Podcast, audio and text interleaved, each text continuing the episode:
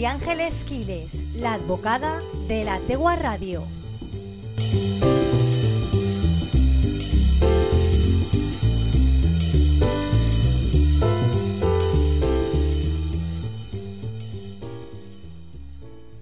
Hola Elia, buenas tardes a ti y a todos los que nos escucháis. Es viernes, toca hablar de derecho y en esta ocasión creo que no podía hacerlo con una persona más adecuada respecto al tema que vamos a tratar.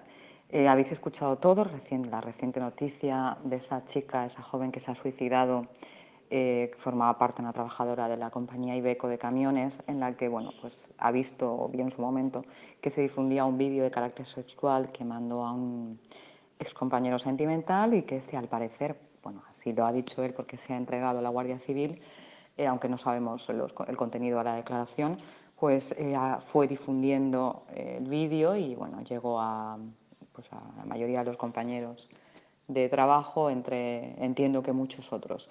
Ante esta presión, la, chica acabó suicidándose y bueno, lejos también de reprochar el comportamiento de sus compañeros, pues yo lo que quiero, lo que queríamos en este caso era tratar si la empresa tiene algún tipo de responsabilidad por la actuación de sus trabajadores.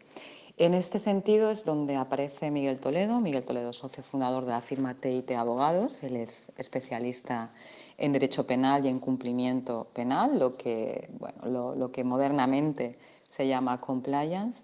Y es, bueno, lo va a explicar él, es en definitiva pues, eh, la responsabilidad que tiene la empresa en el, en el, marco del Código Penal. Pero bueno, ya os digo que, que vengo acompañada de la persona eh, que posiblemente más sepa de, todo esto y voy a dejarlo, no voy a decir a nivel de España, pero bueno, a nivel de la provincia seguro, a nivel de España también, pero como él es una persona muy humilde, me va, seguramente me va a reñir cuando escuche, ahora que me está escuchando me va a reñir. Pues nada, eh, Elia y, oyentes, os, os, dejo con Miguel Toledo, que os lo va a explicar muchísimo mejor que yo, seguro. Buenas, María Ángeles. Pues sí, la verdad que es un placer el poder responder a este desafío que, me planteas y una pregunta que además que tiene, tiene toda la lógica. ¿no? Eh, evidentemente, en situaciones como estas, que son notorias, en las que como sociedad nos tenemos que eh, al menos preocupar de hacer una reflexión, una de ellas es cuáles las reflexiones que se tienen que hacer desde el punto de vista de, la empresa. Al final las compañías pues, más grandes o más pequeñas son núcleos en el que cada día compartimos gran parte de nuestra vida y, la compartimos con nuestros compañeros, y la compartimos con los clientes, y las compartimos con, otras ah, personas que interactúan al final.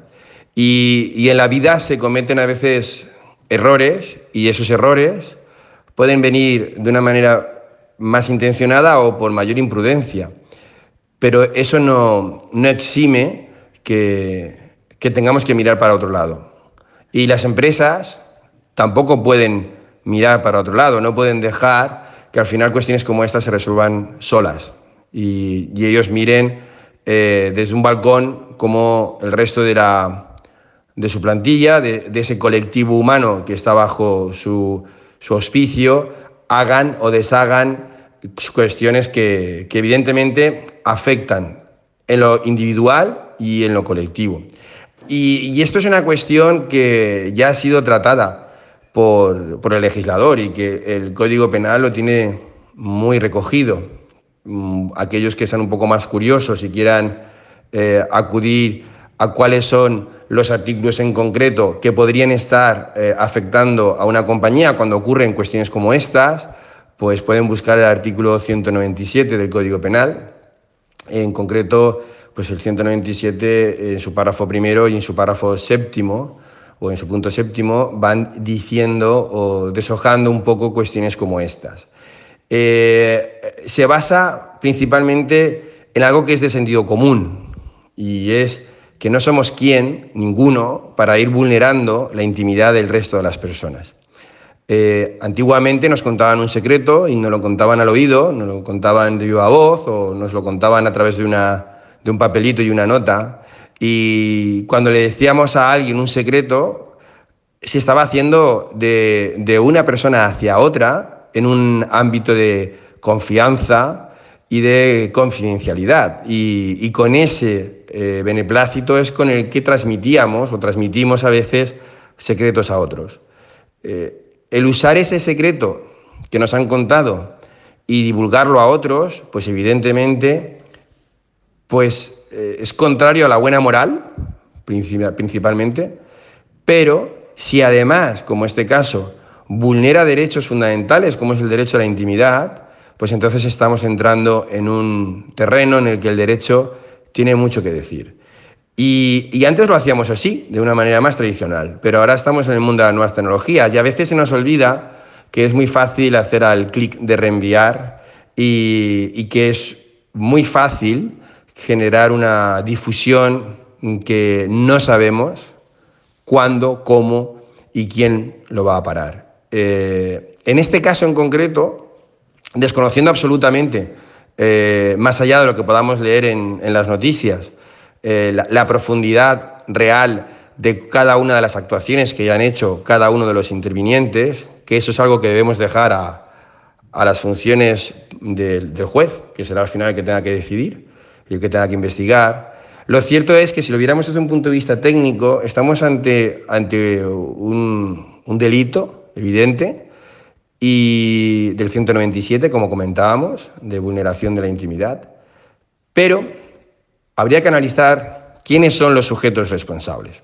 Y en este sentido, por la pregunta que me lanzaba, si la empresa tiene algo que decir al respecto en cuanto a la responsabilidad, pues este es uno de los delitos que está dentro de ese inventario que el legislador ha marcado para que las empresas respondan. Es decir, las empresas responden de las situaciones tales como esta de vulneración de la intimidad por estos medios que se cometan dentro de su organización. La respuesta es sí sí que responde. Y así lo ha dicho el, legislador. Con lo cual, ¿podría en este caso la empresa tener que responder desde un punto de vista penal, además desde un punto de vista civil, es decir, teniendo que indemnizar con cuantías económicas?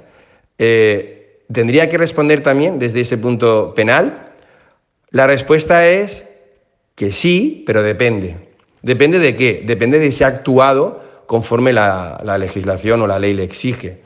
Eh, la ley establece un deber a las compañías, a las empresas, repito, sean grandes o sean pequeñas, porque esto pasa y, estas vulneraciones pasan en grupos reducidos y en grupos grandes, eh, la empresa debe de haber establecido una serie de medidas de actuación, independientemente de si la persona afectada quiere seguir adelante o no quiere seguir adelante la denuncia. ¿Por qué? Porque dentro del seno de la empresa, dentro de su organización, se están produciendo conductas que son ilícitas y, lo están haciendo empleados que están perjudicando a otra empleada. Y ellos tienen un deber, un deber como el padre que tiene un deber de eh, tratar de resolver los conflictos que surgen entre los hermanos cuando están bajo, viviendo bajo su techo.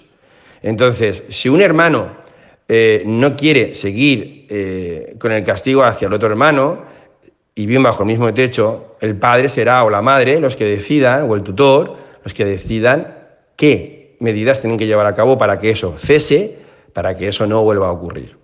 Si la compañía no hace nada, si la compañía mira para otro lado, si la compañía no tiene establecido los canales que le exige la ley, si no tiene procedimientos como le exige la ley, si no ha formado a sus empleados en determinadas cuestiones como estas, como le exige la ley, o cuando tiene conocimiento de los hechos de cualquiera de las vías en las que la puede tener, no hace nada, no actúa, no establece unas medidas correctivas o correctoras, entonces está incumpliendo lo que la ley le está pidiendo como empresa. Y es ahí donde va a entrar a tener responsabilidades penales. ¿Podríamos decir que eso está ocurriendo en este caso? sería mucho hablar porque desconocemos, evidentemente, todos y cada uno de los actos que se han cometido o de las acciones que se han llevado a cabo por cualquiera de las partes implicadas. Ahora bien, sacamos una lección de esto y la lección es, evidentemente, que las empresas no pueden estar eh, desmereciendo o queriendo anular la importancia y la exigibilidad de tener programas de cumplimiento de sus empresas. Tampoco lo pueden hacer pensando que son pequeñas y que esto es para las grandes, porque estas cuestiones ocurren en cada uno de las empresas, sean grandes o sean pequeñas. Por tanto, mensaje final con el que quizás nos podríamos quedar, las empresas tienen el deber y la responsabilidad de cuidar determinadas conductas en su compañía y si ocurren, tienen la obligación y la exigencia de actuar conforme marca la ley. Y no hacerlo conlleva una responsabilidad penal.